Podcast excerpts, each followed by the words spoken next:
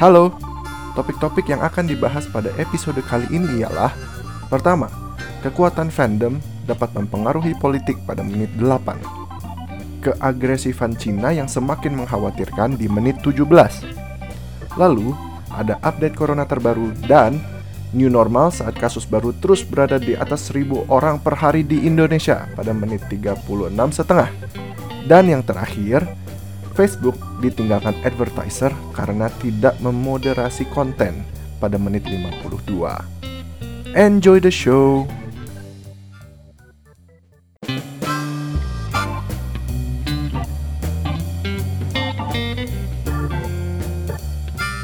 Selamat datang di What's Happening Podcast yang membahas berita-berita menarik di minggu ini. Bersama gua Panji Dan gue Arif. di episode 53. Wow, wow, wow, wow. Welcome back, guys. Iya. Gimana kabarnya Bang Aib? Alhamdulillah baik sekali. Sudah new normal. eh, Alhamdulillah sejauh ini baik-baik saja. Tidak Hmm. ada ada gejala-gejala yang aneh. Semoga jangan sampai deh. Semoga kita semua Semoga dilindungi dan diberikan kesehatan. Apa kabar, Kak? Alhamdulillah. Alhamdulillah baik. Ya, gue mau minta maaf aja pada para pendengar ya kalau minggu lalu kita tidak merilis episode dan Twitternya juga belum belum aktif lagi. Dan minggu ini juga kayaknya agak telat ini ya kita ngerilis episodenya karena ada keperluan keluarga mendadak yang nggak bisa ditinggal juga ya minggu Iya, betul dua sekali. minggu ini. Sangat padat. Begitu. Jadi terima kasih atas pengertiannya. Dua minggu ke belakang tuh banyak banget ya hal-hal yang menarik ya kayak yang Sebenarnya banyak Terlewat. sih. iya terlewat dan minggu kemarin tuh akhirnya finally setelah 30 tahun puasa gelar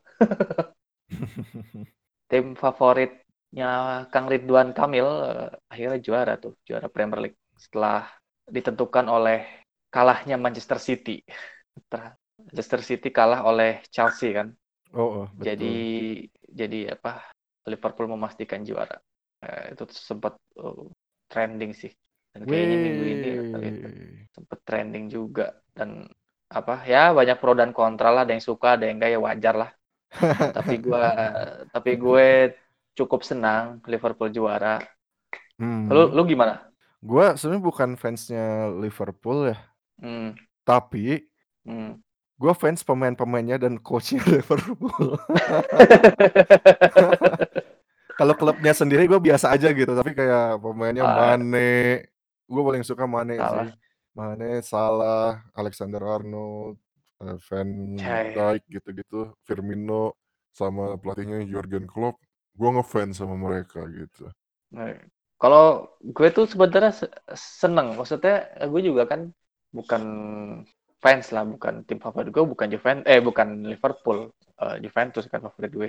Cuman gue memiliki keter apa ikatan batin, nggak batin sih, eh, Ikatan keterikatan batin. emosional, Hmm. keterikatan emosional karena waktu dulu SMA itu gue kan sebagai minoritas ya di situ, sebagai fans Liga Italia gitu, gue kan eh, kaum minoritas kan Hmm. jadi fans-fans di kelas temen apa teman kelas gue tuh eh ini apa tuh namanya fans Liga Inggris. Hmm. eh terus eh, kita kan suka futsal kan futsal kelas. Eh, cara nentuin untuk pembagian timnya tuh agak menurut gue unik sih. Jadi kayak jadi mayoritas eh, di kelas gue tuh fans Liverpool sama Manchester United.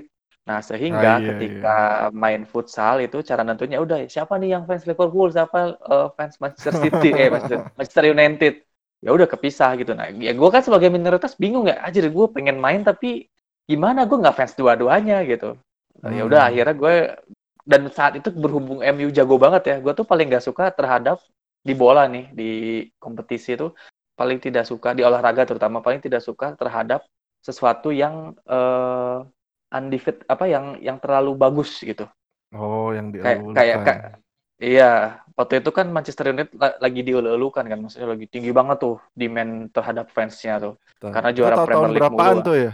itu 2009 10 Oh iya 9, benar 10. benar. Iya, iya. MU masih 19. bagus-bagusnya ya.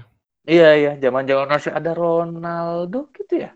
Atau belum pindah? Lu lupa. 2008 kan mereka juara kan? Eh, Iya. 2008 Liverpool. Eh.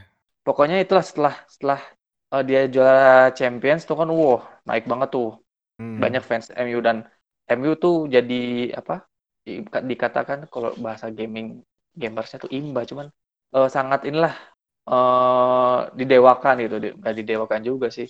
Ya uh, fansnya sangat inilah fanatik gitu. Sedangkan Liverpool kan saat itu biasa-biasa aja ya. Dia Big Four tapi eh cuman juara Liga Champions doang terkenalnya. Liga Inggris Mm-mm. Agak bapuk lah ibaratnya gitu. Dia cuman eh, empat, empat besar mulu gitu. Jadi ya ya udah gue nggak nggak begitu suka MU karena terlalu bagus gitu. Jadi ya udah gue Ah, iya, iya, eh, iya.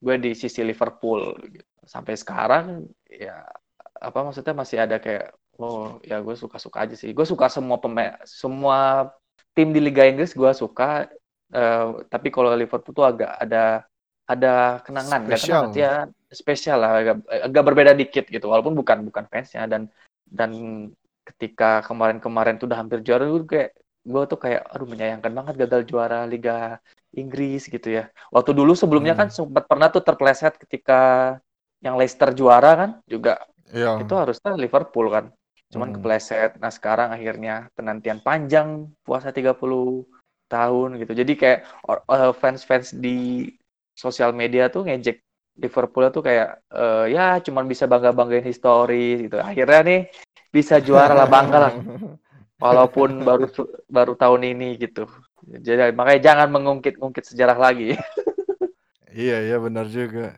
Kalau gua mah kan Iya. Gunners sebenarnya. oh lu Gunners Tapi lagi terpuruk banget nih. Jadi ya setidaknya setidaknya yang menang Liverpool lah. iya iya iya ya bener Mm. Gua Soalnya kalau kalau yang menang klub London lagi sebagai Gunners gue sakit hati gitu. oh ya klub, kebetulan klub London banyak yang bagus ya Iya, masalahnya kan di London banyak saingan ya. iya Heeh. Jadi ya setidaknya bukan klub London lah. dan emang menurut gue wajar sih juara Eh, maksudnya ada yang bilang kayak ya juara corona bro kalau misalnya dia misalnya nih dia bed, perbedaan poinnya tipis-tipis lah cuman beda 6 poin sama Manchester City gue bisa gue masih bisa apa gue masih kayak oh iya ini mah ada efek corona. Cuman ini kan jauh sebelum corona tuh Liverpool udah nggak ada lawan coy. Hmm, maksudnya bagus gitu emang ya cocok lah jadi juara. Emang pantas Gitu. sih. pantas pantas Hmm, pantas pantas. gitu sih. Sama yang menarik itu akhirnya juga Blackpink ri- rilis single. Langsung mecahin rekor-rekor ya katanya ya. iya gue gak tahu sih. Gue tapi pas satu jam setelah upload gue nonton tuh. Gue belum nonton sampai sekarang. Belum nonton video tuh. klipnya. Belum. mantap sih neng neng jajan tapi itu emang gitu sih Bla- Blackpink tuh ya kan kalau dibandingin dengan Twice gitu ya emang berbeda. Nggak bisa dibandingin juga sih. Mungkin pasarnya berbeda lah. Cuman di kita yang kata kata siapa ya? Gue pernah baca nggak? Atau kata fans Korea ya? Jadi emang pasar kita tuh gede Blackpink gitu di Indonesia tuh daripada kayak Red Velvet atau Twice Kalau menurut gue kayak banyak- emang Blackpink tuh lebih sengaja di ininya ya, di modelinnya tuh untuk lebih appealing ke fans internasional gitu. hmm, Jadi ya karena dari dari pilihan lagunya juga terus kan hip hop kan yang lebih diterima banyak orang gitu. Kalau Twice kan lebih dulu-dulunya tuh eksperimen banyak genre tapi biasanya yang lebih cute kayak SNSD zaman awal-awal gitu lah. ya ya Tapi Dan mungkin karena Blackpink- ada ini ya, ada warga Asia Tenggara ya, sudah dekat dengan Indonesia. Tapi kan kita punya di Takarang. Oh iya, ya, ya makanya sekarang-sekarang ini di Takarang secret number terbaik. Aku iya, tapi cinta. kan kenapa nggak bisa ngalahin Blackpink? Belum kali kak. Blackpink juga kan dulu awal-awal nggak terkenal. Iya sih, betul juga. Masih masih proses lah. Aku support di Takarang. Eh, ngomong-ngomong Eh, soal ki- dunia per K-popan ini, eh, lu ini nggak sih? Maksudnya eh, kadang suka risih dengan fans K-popnya atau enggak? em, kalau yang sampai ekstrim banget mah iya. Hmm. Apalagi kalau misalnya kayak Blink sama One sama Army gitu-gitu yang saling apa ya berargumentasi mana yang the best gitu-gitunya lah. Nah, iya iya yang iya, yang hardcore hardcore bangetnya gitu kan Eh, Mm-mm. coba kalau fans fans moderat mah ya gue nggak nggak nggak ada masalah sih ya. Ya, ini apa? Ya, kalau di internet tuh fans K-pop tuh sangat ganas lah bisa dibilang. Maksudnya mereka udah mah ganas, mereka ro- loyal dan royal gitu. Maksudnya berapapun tiket atau berapapun berharga albumnya tuh pasti dibeli dan misalnya ada konser di kita pasti didatengin. eh kadang juga ada hal-hal positif sih dari fans-fans kayak gitu kayak di Bandung sendiri kadang ada penggalangan dana untuk misalnya korban bencana dari misalnya fans ARMY, fans Hmm. eh, eh, eh, EXO atau Red Velvet yang gitu-gitu. Hmm. Jadi udah ber apa? bukan fungsi fans, bentuk fans itu udah menjadi perluasan makna. Jadi kayak sebenarnya organisasi itu mah. kayak Hmm. kayak ormas kalau kata gue. Ormas. Nah, akhir-akhir ini kan ada kejadian menarik nih kalau lu tahu yang di Amerika. Oh iya iya iya yang ini ya ternyata para K-popers fans K-pop ini menjadi musuhnya Trump sekarang. Iya, bener. Nah, ini udah bikin gerakan-gerakan unik sih menurut gue. Itu berita yang gak gua duga-duga sebelumnya itu kayak, hah? Asli. Itu tuh apa? eh, yang gue baca dari koran bisnis nih. Kampanye Trump, kampanye Trump di Tulsa, di negara bagian kali itu ya. Akhir pekan dua, dua minggu yang lalu menjadi eh, mungkin bakal menjadi pengalaman yang tak terlupakan bagi manajer kampanye Donald Trump yaitu Brad Pars Parscale. Parscale ya, Brad Parscale. Iya, jadi dia nggak eh, nggak sadar bahwa tiket kampanye eh, kampanye Trump itu fiktif, cina. Iya Jadi makanya. eh, apa ada order tiket pada banyak karena sold out gitu. Eh, gue gue bahkan baru tahu loh kalau tiket kampanye bisa dijual ya di di kita mah. Iya, Penontonnya yang makanya. dibayar gitu. Penontonnya yang dibayar. Itu kan maksudnya sebagai bagian dari fundraising juga gitu. Ah, Itu tuh sampai Trump itu apa namanya? Campaign manajernya tuh kan sampai nyiapin stage di luar arenanya gitu kan. Trump itu tadinya mau ngadain rally-nya itu kayak di dalam stadion gitu kan, di dalam ruang hmm, tertutup. Yang sebelumnya banyak dikecam sama banyak orang ya. Terutama hmm. sama CD sama apa ya ahli-ahli kesehatan di Amerika lah karena ini kan masih pandemi corona juga gitu. Iya iya iya.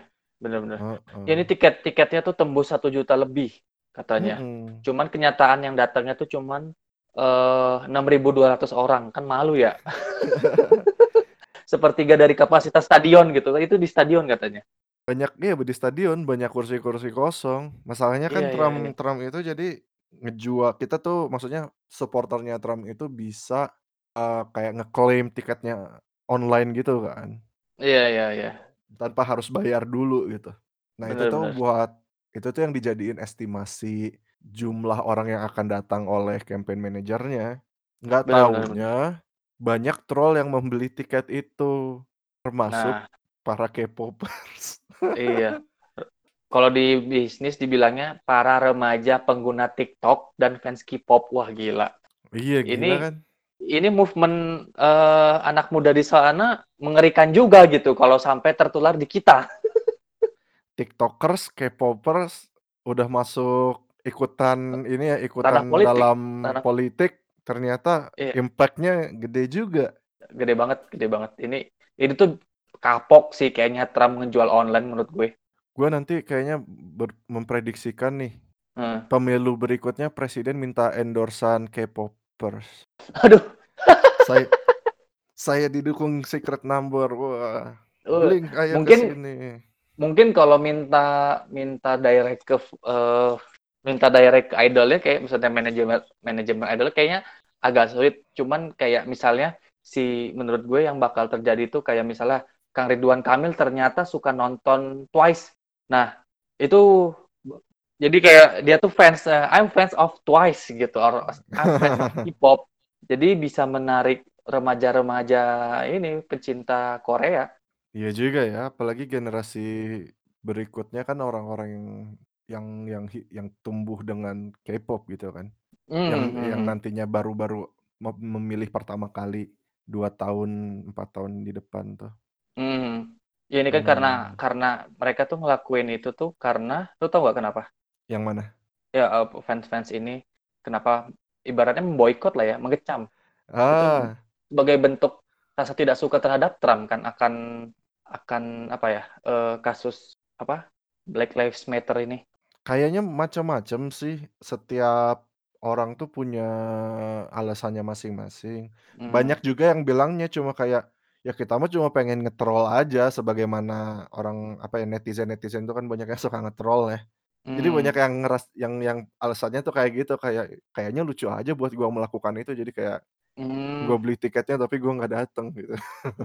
Tapi mungkin sebagian mah ada yang memiliki ya karena nggak setuju dengan ideologinya Trump, jadi dia Mmm. mencoba untuk ini, apa ya namanya, biar mungkin juga kalau misalnya menurut gua bagusnya kan jadi ruangannya kosong gitu, jadi orang tuh sebenarnya bisa social distancing walaupun akhirnya tidak dilakukan juga gitu. Iya sih. Ini ini gua, eee, pas baca ini gila nih, sebuah fans udah menjadi, eee, ancaman untuk pemimpin negara gitu. Dan mungkin ini fans-fans ini misalnya swing voter kan, dan itu kan membahayakan bagi Trump menurut gue dan menguntungkan bagi pihak lawan. Kayak, oh bisa Mhm. tarik suara gitu-gitulah. Ini bisa menarik sih, eee, patut dicontoh. Begitulah, eee, eh, by the way lu ada berita apa, Kak? Itu ini intermezzonya kepanjangan kayak kita. Mmm, gua paling kalau dari dari gua mau bahas Cina dulu deh. Soalnya belakangan ini Cina itu menurut gua makin agresif. Ya benar benar, gua setuju sih itu. Gua baca-baca akhir-akhir ini juga kayak, ah, dia ingin menjadi noba negara nomor 1 sepertinya. Iya, kayaknya karena maksudnya US juga lagi banyak, apa namanya, masalah internal di Struggle. Amerika Nah, gitu masalah kan. mhm, mhm. Negara-negara Eropa juga masih pusing menghadapi corona juga. Kalau EU kan juga Mhm. sebenarnya harus mikirin deal mereka dengan UK soal Brexit Mmm. segala macam. Jadi dan Rusia mah nggak akan peduli gitu kan sama Cina. Timur Iya Tengah iya, juga lagi kesulitan karena corona jadi ekonominya nggak jelas gimana. Jadi Cina kayaknya yang aw dari awal bisa lumayan nge-handle Covid ini, melihat ini tuh di waktu ini tuh kesempatan mereka untuk lebih, apa ya, bisa bergerak tanpa banyak ter diawasi, mungkin. Mmm. Kayak kita juga pernah ngebahas kan wak dia ber apa namanya, berebutan lahan dengan India di pegunungan Ah. Himalaya. Iya, itu sempat itu kan terjadi mini perang ya, maksudnya gontok-gontokan aduh kok gontok-gontokan sih apa, ya terjadi ini korban jiwa kan. Kalau nggak salah ada yang Iya. mati juga tentara Cina, tentara India juga sama. Jadi di tentara India tuh korban jiwanya 20 orang. Di Mhm. yang di dari sisi Cina itu, Cina nggak ngeluarin datanya, cuma katanya ada. Menurut tentara India mah ada, cuma nggak tahu berapa jumlahnya. Terus sejak saat itu Mmm. kan kayak Cina mulai nambahin pasukan di dekat-dekat perbatasan, terus India Mmm. juga mulai nerbangin jet patroli di sekitar perbatasan. Mhm Jadi mhm. tension-nya itu masih tinggi gitu di sana, walaupun katanya mereka tidak ingin perang dan berusaha untuk mengambil jalur diplomasi, tapi sampai Mhm. saat ini kelihatannya itu belum terjadi gitu, jalur diplomasinya itu belum terbuka banget gitu. Mmm, mhm mhm. Betul dan Terus juga katanya kan Cina di Laut Mhm. Cina Selatan nih lagi kekeh-kekehnya lagi. Iya betul, Mereka menyatakan eee bahwa itu hak teritori historiknya mereka gitu. Jadi mestinya itu punya mereka. Jadi ya itu itu mereka berarti melawan beberapa negara gitu kan, untuk Mmm. mengambil laut itu. Filipina, Vietnam, kita juga mungkin. Ya ya yang gua tahu di dari koran kontan tuh ya, Vietnam dan Filipina sih mengajukan protes ke Cina. Karena apa, eee, secara sepihak mendeklarasikan pembentukan distrik administratif baru di pulau-pulau di perairan bermasalah di Laut Cina Selatan, yang diklaim itu wilayah Vietnam dan yang ya yang diklaim itu sebenarnya jadi wilayah Vietnam dan Filipina.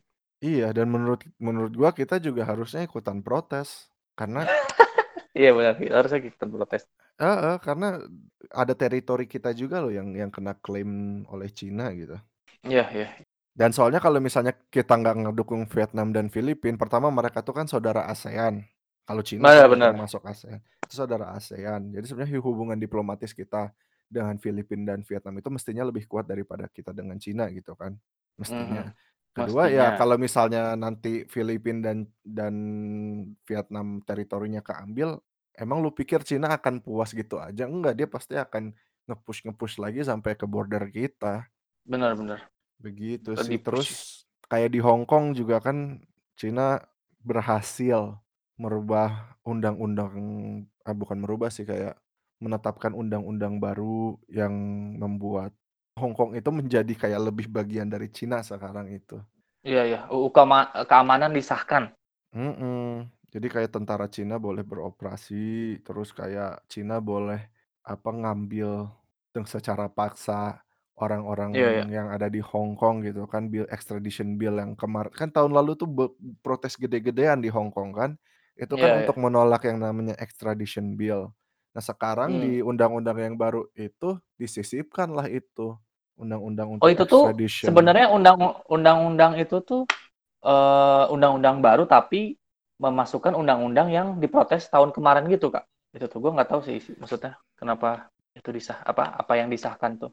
Gue juga nggak belum baca detailnya banget, cuma setahu gua, ya yang itu yang extradition bill itu, Mmm. bagian-bagian pentingnya tuh ada yang disisipkan ke undang-undang yang kemarin disahkan ini. Itu Mmm, mhm membuat mhm. otonomi Hong Kong itu berkurang banget gitu. Jadi sekarang kalau misalnya Mmm. orang-orang protes, katanya sih, jadi ora Cina itu bisa ngambil orang di yang yang berada di Hong Kong untuk Untuk diadili di dieksekusi di Cina. Cina. Diadili, Iya, soalnya kan hukumnya berbeda Hong Kong dan Cina gitu kan. Iya iya.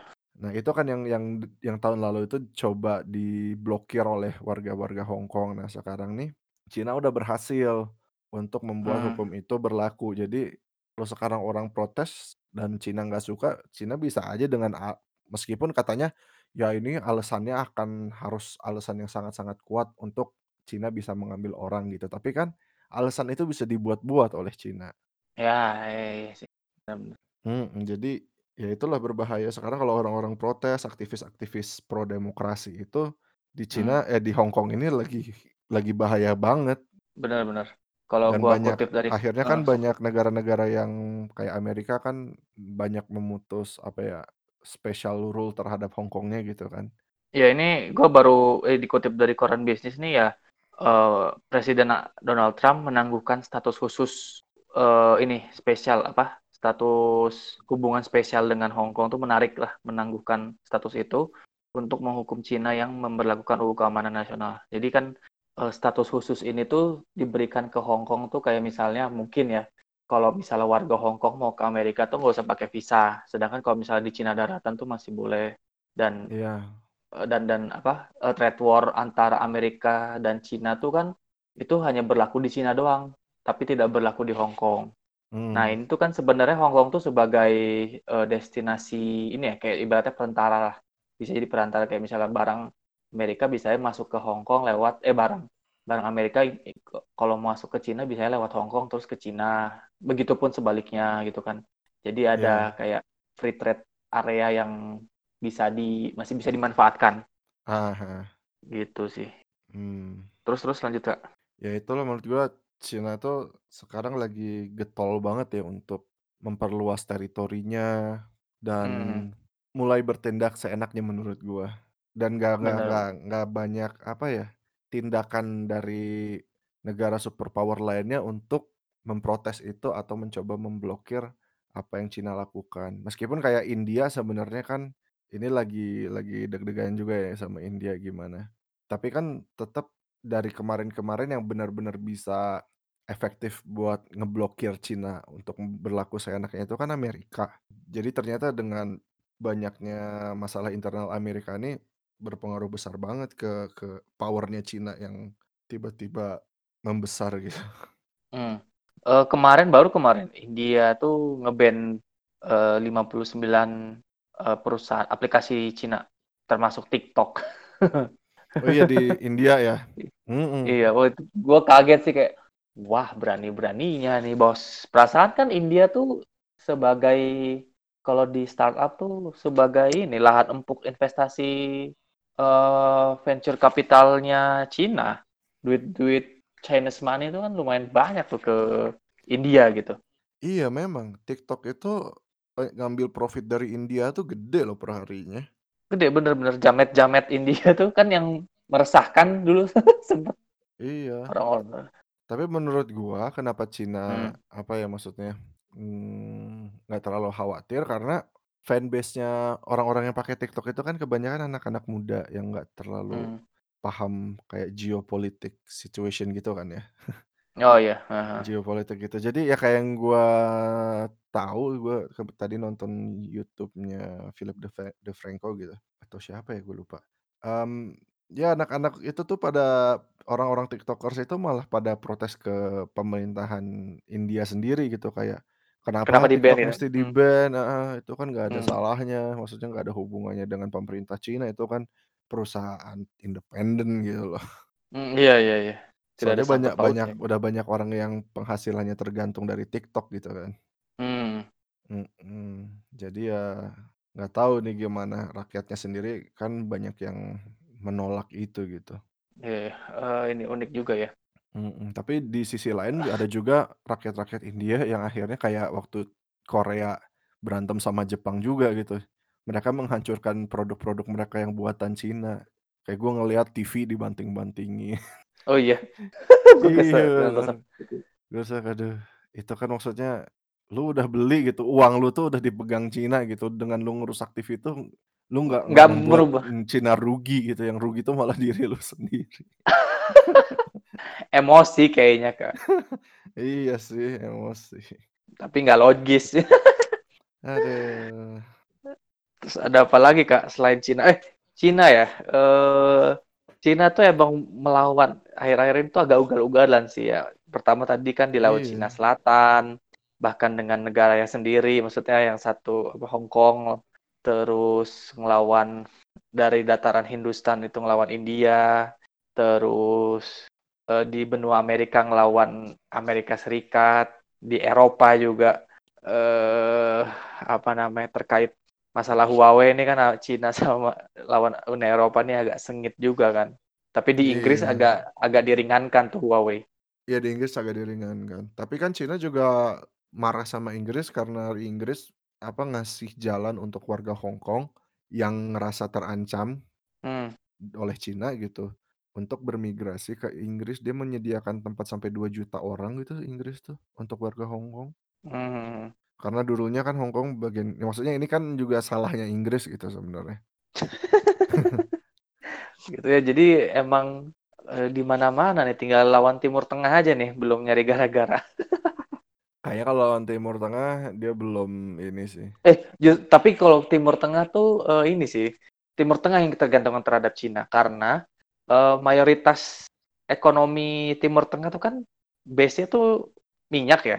Nah, Cina Mhm. ini kan memiliki, eee, sebagai negara sebagai produsen terbesar di dunia. Sehingga Mmm. ini tuh sangat saling ter terkait gitu ketika ketika ekonomi Cina atau terutama sektor manufacturing-nya itu rendah, maka otomatis Mhm. kayak permintaan minyaknya itu akan melambat. Jadi akan merus apa, mempengaruhi negara-negara di kawasan ini. Jadi, eee, kayak ada hubungan kausalitas apa, lurus lah gitu. Jadi kayak misalnya ekonomi Cina melemah, permintaan minyak melemah, otomatis mempengaruhi ke negara-negara di Timur Tengah. Nah itu, eee, apa namanya, hubungannya lah menurut gue. Mmm, mhm mhm. Makanya ketika ketika Cina ini udah, eee, mulai membuka ekonominya kan harga minyak sempat naik kan, karena kayak, "Wah ini kayak permintaannya kita akan naik nih, dibeli oleh Cina." Taunya ada ada gelombang kedua di Beijing. Iya ada gelombang kedua di Beijing. Eee, tapi itu kan Gitu tidak sih. tidak memperlambat langkah Cina untuk global domination gitu.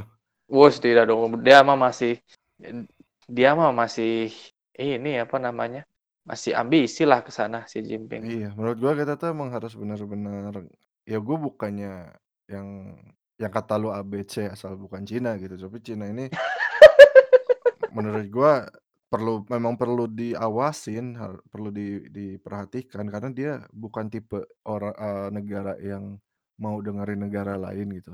Dan dia tuh Mhm. menurut gua berhasil ngejual usaha dia tuh ke rakyatnya. Mmm. Jadi dia tuh mudah untuk membuat negara lain sebagai musuh dari rakyat, Gimana gitu. maksudnya, Kak? Jadi Jadi kayak waktu perang trade war dengan Amerika, itu kan sebenarnya belum nggak 100% salah Amerika dan nggak 100% salah Cina juga gitu kan. Mmm, mhm Tapi mhm. Xi Jinping itu karena rakyat rakyat Cina itu ud leb banyak yang mudah dikontrol gitu, banyak yang udah kayak di-brainwash gitu kan, untuk setia dengan pemerintahan Cina gitu, dengan Komunis Party. Mmm. Jadi gua tuh waktu itu ngedenger podcast-nya Vox, mmm, dia di punya reporter di Beijing, reporter itu nanya ke supir taksi, "Bagaimana Mmm. pendapat Anda tentang trade war dengan Amerika ini?" katanya. Mmm, mhm. Ya kita ngerasa kesel sama Amerika, kenapa saat kita lagi mau maju, saat negara kita ada momentum untuk maju, untuk untuk meningkatkan GDP segala macam, pa alasan yang jelas Amerika begitu saja, apa ya, membuat kita tuh sulit gitu, mempersulit langkah kita gitu, tanpa ya menurut mereka itu tuh cuma seakan-akan biar Cina nggak maju aja gitu loh. Mmm, jadi itu sebenarnya, apa, dicuci otak lah ya, maksud warga Nah itu sendirinya gitu? dia s Eee, Cina itu kan udah mencuci ya menurut gua udah lebih sukses dalam menyatukan rakyatnya dengan cara dik apa ya namanya, propaganda? propaganda, betul, dengan cara propaganda. Jadi pemerintahnya mau apa pun mau apa pun, rakyatnya itu akan mendukung gitu. Kalau kayak Amerika kan kayak waktu perang Vietnam, rakyatnya Mmm, sendiri banyak yang protes di Amerika gitu kan. mhm, Nah, kayak sampai waktu itu Muhammad Ali disuruh ke Vietnam buat nyemangatin prajurit-prajurit, Muhammad Ali kan bilang, "Nggak mau, orang Vietnam nggak pernah berbuat jahat ke saya, saya nggak pernah mhm, nggak pernah gue saya ngedengar orang Vietnam bilang negro ke saya. Yang mmm, bilang saya negro nigger itu ya orang-orang kulit putih yang ada di Amerika."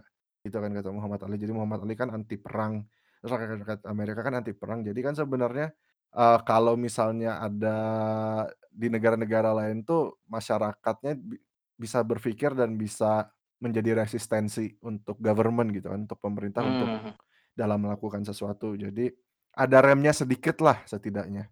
mhm mhm, Nah kalau di Cina gini kan kalau ka kalau rakyatnya semua ngedukung itu jadi pemerintahnya bisa berbuat seenaknya aja gitu, mmm, karena rakyatnya juga udah dicuci otak. bener. Ya setuju-setuju aja mereka mah, ya udah, udah paling bersih Mhm. dah gitu, pemerintah mah. Iya, jadi kalau misalnya Cina bilang, "Yuk kita perang," ya rakyatnya mah hayu gitu. Ayo aja, gua do or die, Bro, sikat, Dan dan itu tuh bahaya gitu kan. Iya iya, bener. Nggak ada check and balance sih, bener. Mhm, nggak ada check and balance-nya. Eh, tapi ya setelah ini ini aja ya, ini bacotan-bacotan doang ya. Kalau gua lihat nih karena gua kan eh, lumayan membaca tentang apa namanya bisnis dan ekonomi gitu ya. Mmm, Kayak di semua negara tuh mulai menyadari satu hal. Maksudnya mulai menyadari bukan satu hal, mulai menyadari bahwa kita tuh ketergantungan banget sama Cina. yoi. Mereka baru sadar gitu ya, maksudnya Amerika terutama. Amerika tuh menyadarkan lewat Trump sih menurut gue. Itu tuh bene eh beneran baru pada sadar beneran baru pada sadar. ketika adanya lockdown, Kak, Cina lockdown chaos. Semua aliran untuk produksi sesuatu. Jadi itu bagusnya Cina tuh kadang Cina tuh memproduksi barang antara, maksudnya barang yang setengah jadi gitu. Iya betul. Iya kan, barang setengah jadi. Kalau enggak barangnya yang eh barangnya tuh dirakit di Cina, terus dipasarkan ke kita. Nah, Mmm. eh negara-negara lain tuh yang ketergantungannya tuh eh, impornya gede dari Cina tuh mulai kayak wah ini nggak bisa nih maksudnya gua nggak bisa produksi percuma jadi ketika Cina lockdown nih kan eh, negara lain tuh kan masih membuka ekonominya kan Iya. ya masih membuka ekonomi tapi produsen-produsen bingung lah kita produksi gimana? Nggak ada barang. Gitu. Jadi nggak ada barang yang bisa dijual juga gitu percuma. Heeh. eh makanya wah barang dari sini makanya eh, mereka nyari alternatif dan nyari alternatif tuh kan nggak sembarang ya. Misalnya ta- taruhlah barangnya tuh sebenarnya ada di Cina terus ada satu lagi misalnya di mana? Oh ternyata barangnya tuh ada di Vietnam. Nah apakah negara tersebut melakukan perjanjian dengan Vietnam dengan free trade? Belum tentu sehingga nantinya bisa naikin cost dari si barangnya misalnya diimpor dari Vietnam ya kan Mmm, Nah, itu mhm. kan jadi beban juga gitu. Nah, Iya makanya nih bener. ke dep- ke depan itu mungkin eh, multi multi global company bakal mendif- mendiversifikasikan eee, pabrik-pabriknya tuh di luar dari Cina. Nah, ini sebenarnya ada peluang buat kita sih untuk bisa menangkap hal itu gitu. Jadi jangan, eee, bahwa wah dan dan dan, eee, tenaga kerja Cina kan sekarang udah agak naik ya karena, eee, Mmm. udah banyak demanding-nya lah ibaratnya. Mmm. Eee, nah itu, mmm, dan negaranya udah mulai menjadi, "Wah Cina nih udah eh kita nih terlalu ketergantungan sama Cina cuy, janganlah," gitu, kalau bisa. Udah mulai terbuka lah. Itu baru baru Iya. ngerasa, "Oh ini toh yang nggak adil tuh, kok ternyata ini gua nyaman-nyaman aja pakai produk impor, ternyata sekalinya diboy bukan diboikot, di-lockdown atau ditutup ekonominya, chaos juga ya Bro," gitu. Itulah cerita ininya. Indonesia juga gitu kan, kayak eee, kayak kemarin masker aja kan kita masih beberapa, eee, input dari bahan masker itu kan dari Cina, taunya kan dipermainkan oleh Cina dengan apa, naikin harganya gitu-gitulah. Mmm. Gitu, makanya ini mungkin ke depannya, eee, ya multi global company itu udah kayak nyari negara lain yang, eee, supply lain lah selain Cina, jangan jangan full Cina gitu atau atau Iya. gimanalah, gitu sih. Ya ke depannya jangan heeh, jangan ketergantungan sama Cina. Mhm. Gitu Lu lu ada topik apa lagi, Kak?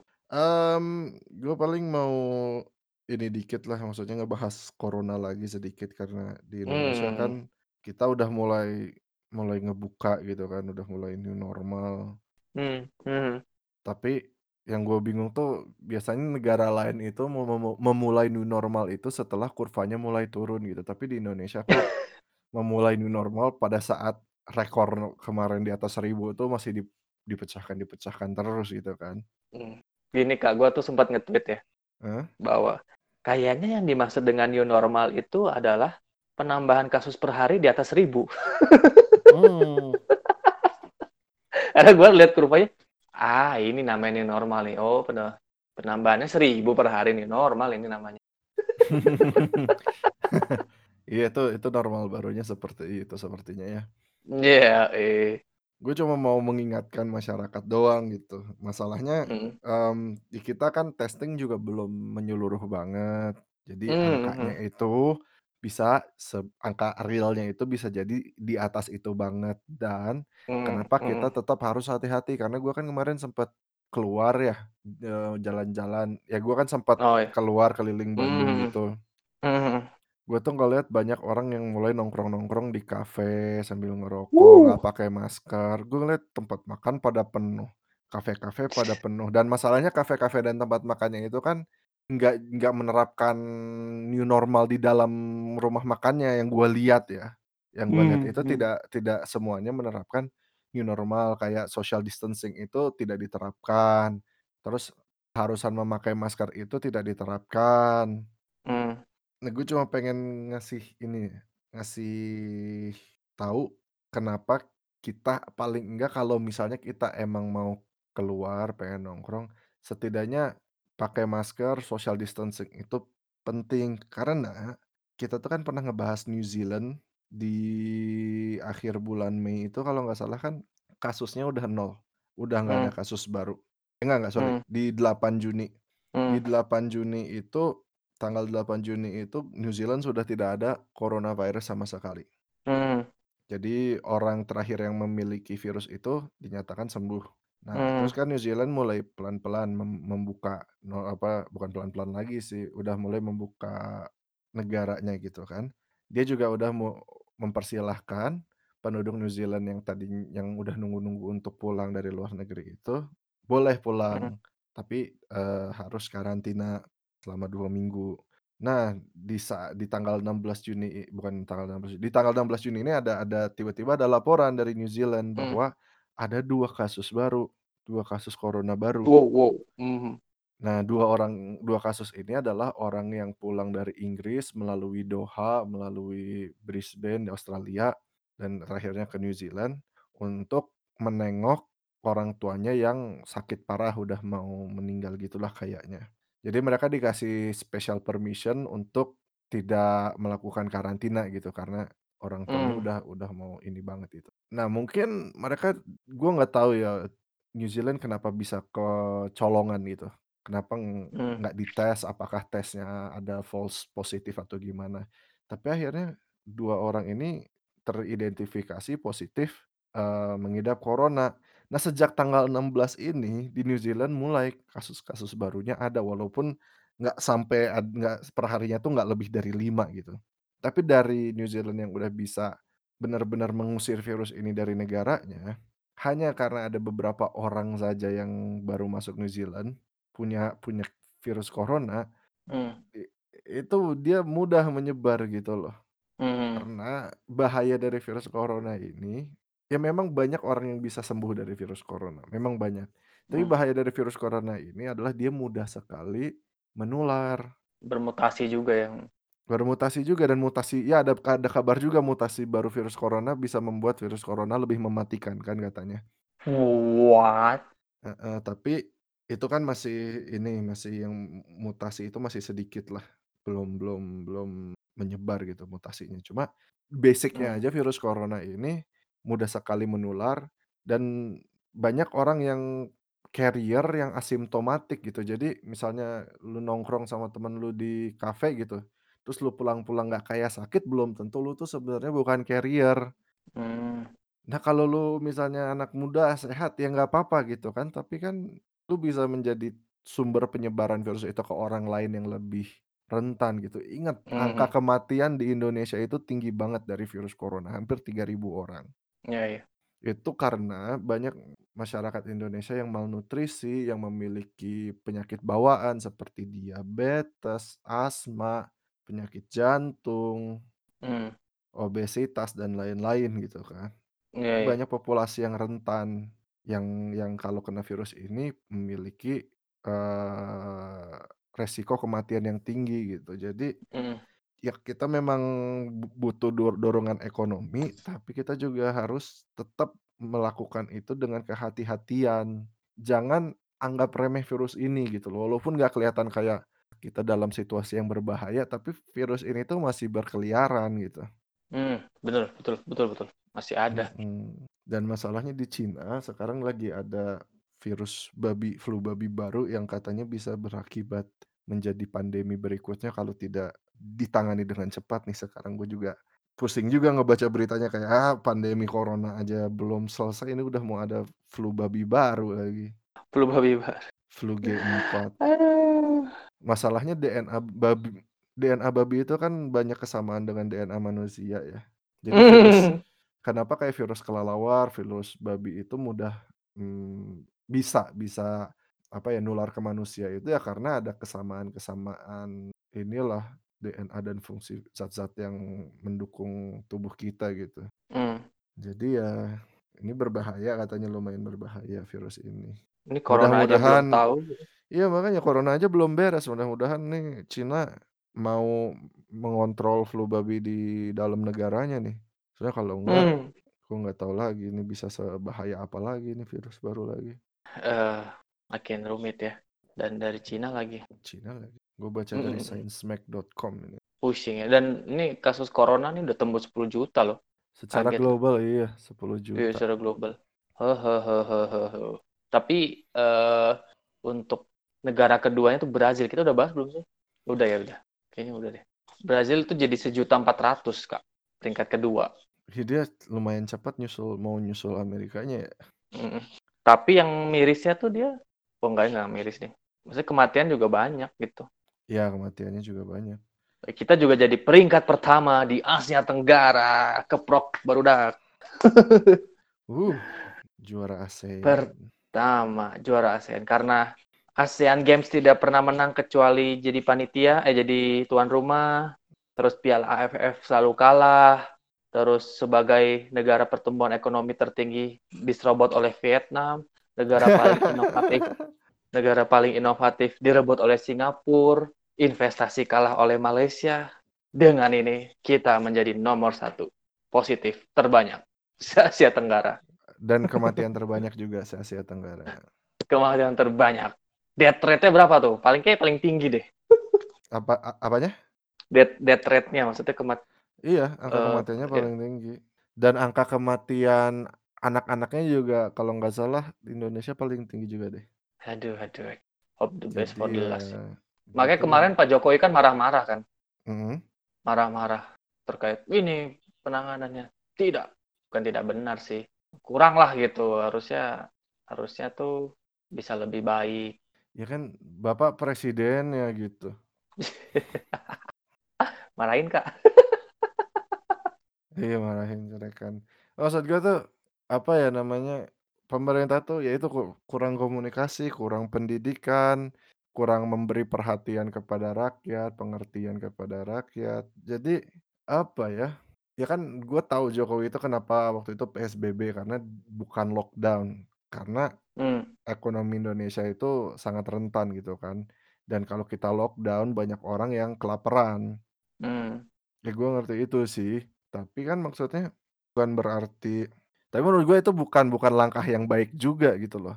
Menurut gue hmm, mestinya udah kayak kayak ya kayak New Zealand, kita coba agak brutal di awal, paling nggak benar-benar tekan jumlah hmm, hmm, ininya gitu, jumlah kasusnya di awal, terus buka pelan-pelan. Nah, hmm, yang gue sayangin ini sih sebenarnya cara pembukaan, tingkat pembukaan. Katanya kan hmm, pemerintah udah ngas udah udah ada guideline. hmm, Ya kan waktu itu, eee, kita pernah bahas juga kan dan guideline-nya itu hmm. kan ada evaluasi per 2 minggu sesuai saran WHO. Ya, betul. Tapi pada kenyataannya yang gue lihat di Bandung aja, kayak Hmm, begitu dibuka, Car Free Day penuh, begitu dibuka, kafe-kafe penuh. Itu hmm, bu hmm, itu nggak terkontrol gitu dan dan kayak pemerintahnya juga membiarkan itu terjadi. hmm, hmm. Betul, Ya gimana gimana nggak kasus kita makin banyak Bisa ya. di iya makin banyak gitu kan. Betul sekali.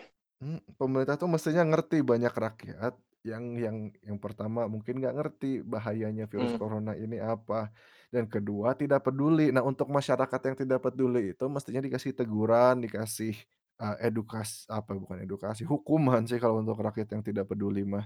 Tapi kalau untuk rakyat yang tidak mengerti ya dikasih edukasi. hmm. Betul, betul. Ini gue kutip dari kontan ya. Anggaran un- penanganan COVID sektor kesehatan nih, anggarannya ini 87,55 triliun. Uh, Programnya itu untuk perbaikan penanganan kasus, insentif tenaga kesehatan, biaya klaim perawatan pasien. Nah, realisasinya itu per Juni 2020 hanya 1,54 dari 87 triliun. Berapa persen tuh? Eh, berapa duit tuh? Kayak cuma setriliun deh. Eh, gak nyampe bahkan. Dikit lah pokoknya.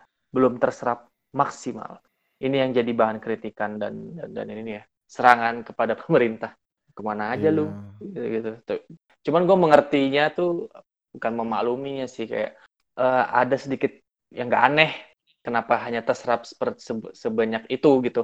Karena masih Mmm, adanya eh, regulasi-regulasi yang agak masih kusut gitu.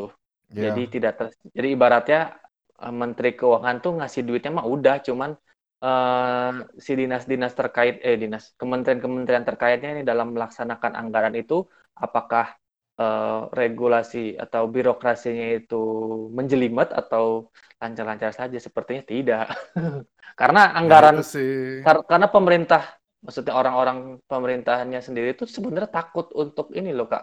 Ibaratnya gini dia mungkin jujur tapi dia takut untuk mengeksekusinya karena ini ini ini tuh lagi darurat maksudnya kalau disidik nanti ke depannya ini bisa jadi masalah sebenarnya gitu karena nggak ada perlindungan dari undang-undang atau peraturan pemerintah sendiri bahwa ke dalam keadaan darurat ini nggak apa-apa ngelakuin hal itu gitu jadi sehingga ya agak lamban gitu Mmm. itu sih Iya yang gua memang. Terus ya kayak maksudnya kan, mmm, sebenarnya kan kayak lockdown itu bisa diperpanjang kalau bantuan sosial itu kemarin terdistribusikan dengan benar, tepat gitu kan ya. iya iya iya Oh, itu gue dengar cerita waktu kita ke pulang kampung gitu ya. Dengar mmm, cerita pembagian bansos-bansos itu kayak, wah bener nih data tuh penting coy. mhm. Jadi kayak, apa ya, maksudnya pemerintahan-pemerintahan lokal kecilnya itu juga banyak yang yang nggak bener juga gitu kan ya, gue mendengar Ya, iya, iya. beberapa cerita gitu kan, kayak mungkin dari tingkat provinsinya benar, tapi di tingkat kecamatannya belum tentu benar, tingkat bener-bener. Makanya kayak gue baru baca berita dari CNN Indonesia nih, di Hmm, Sumatera ya, di Mandeling, Mendeling ya. di Madinah namanya Mandeling Natal, Sumatera Utara, warga mengamuk karena ya itu karena pembagian dana bansos gitu nggak transparan gitu loh. Hmm. Kan kayak bantuan langsung tunai kemarin ada masalah dan begitu di ditanya soal detail-detailnya gitu tidak diberikan transparansi akhirnya kan warganya ngamuk Iya, iya, mobil iya. Wakapolres dibakar coba Ngeri banget. Itu mah udah brutal lah tuh.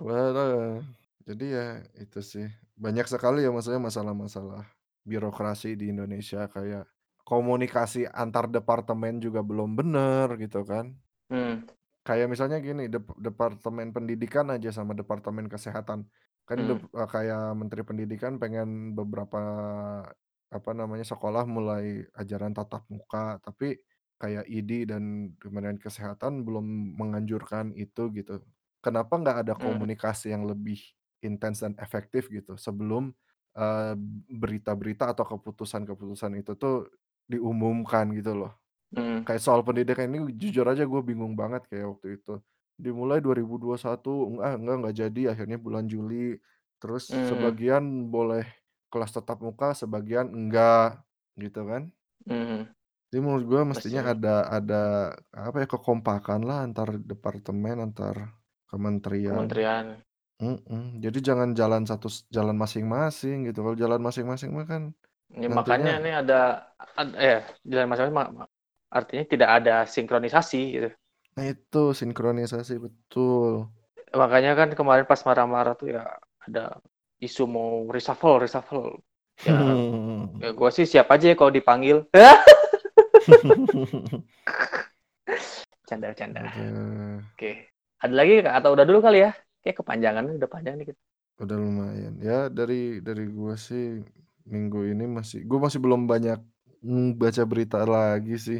Gue cuma baca Hmm, sekilas-sekilas gitu, cuma baca judulnya headline-headline-nya, gue doang belum gitu. belum banyak wak ya gue masih belum ada waktu buat dive deep gitu loh ke artikel-artikel.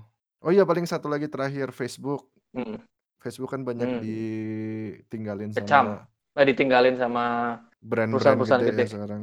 Iya, jadi karena Facebook kan nggak mau ngesensor atau nggak mau ngasih inilah paling nggak kalau Twitter kan kayak ngasih tag gitu kan ke beberapa Hmm, tweet Trump yang dinilai berbahaya atau tidak akurat gitu kan Facebook nggak mau melakukan itu.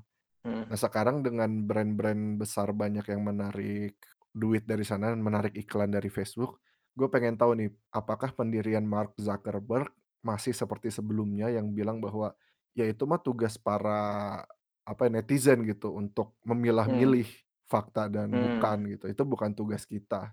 Kita cuma men men menyediakan platform di mana orang bisa mengekspresikan apa yang mereka ingin ekspresikan gitu kan. Tapi setelah hmm, banyak advertiser-advertiser yang keluar Gue pengen tahu nih gimana Mark Zuckerberg akan bertindak, apakah dia apakah itu memang keinginan dia, apakah itu emang value-nya dia atau bukan, hmm. gitu sih. Ya ini tuh itu kan karena eh, sebenarnya meru- merugikan Facebook ya ketika perusahaan-perusahaan besar gitu sebagai lumbung dana dia menarik Mhm. gitu menarik apa kerjasama lah ibaratnya. Nah ya, heeh, itu bikin saham Facebook anjlok sih. Mmm, jadi kayak Starbucks, Unilever ya Unilever, Starbucks sama beberapa itu ya menarik eh, kerjasama itu. Dan itu eh, hal yang apa ya menurut gua akhirnya ya bisa mungkin bisa bakal bakal membuat Facebook itu eh, warning lah gitu. Biar nggak arogan banget mungkin. Ya bisa karena panik kalau Facebook. iya karena kan kalau Twitter kan udah statement kan dia si Jack Dorsey-nya bilang ya, gue nggak akan nggak akan lagi dah eh, nggak akan lagi apa namanya kak eh, bikin kayak apa ad- eh, dapat duit dari AdSense politik deh. Iya, heeh, gitu. Ya ini kita lihat aja kelanjutannya seperti apa. Mmm, betul sekali. banyak banyak perusahaan-perusahaan ben- multinasional itu. Makanya itu mungkin kayak bakal menurunkan pendapatan Facebook ya. Lu kalau misalnya dia lumayan sih. lumayan. Misalnya dia narik dari Instagram Facebooknya sendiri gitu. Kayaknya bikin ketar-ketir juga sih. Karena Facebook kan pendapatan terbesar dari itu kan. Dari apa namanya? Betul, advertising. Advertising. Makanya ya gue lagi pengen tahu nih apakah Zuckerberg akhirnya merubah prinsip dia karena profit atau enggak. hmm. Paling begitu sih dari gue ya gue juga gitu aja sih. Minggu ini udah dulu kali ya. Cukup sekian episode kali ini. Mohon maaf jika ada kata-kata yang salah kurang berkenan atau lo kekurangannya data. Mohon dimaafkan. Bisa komen aja di Instagram kita, eh Instagram, Twitter kita di at wh underscore pod dan email what's happening podcast at eh what's happening podcast 07 at gmail.com. Sampai jumpa di episode selanjutnya. Shining out.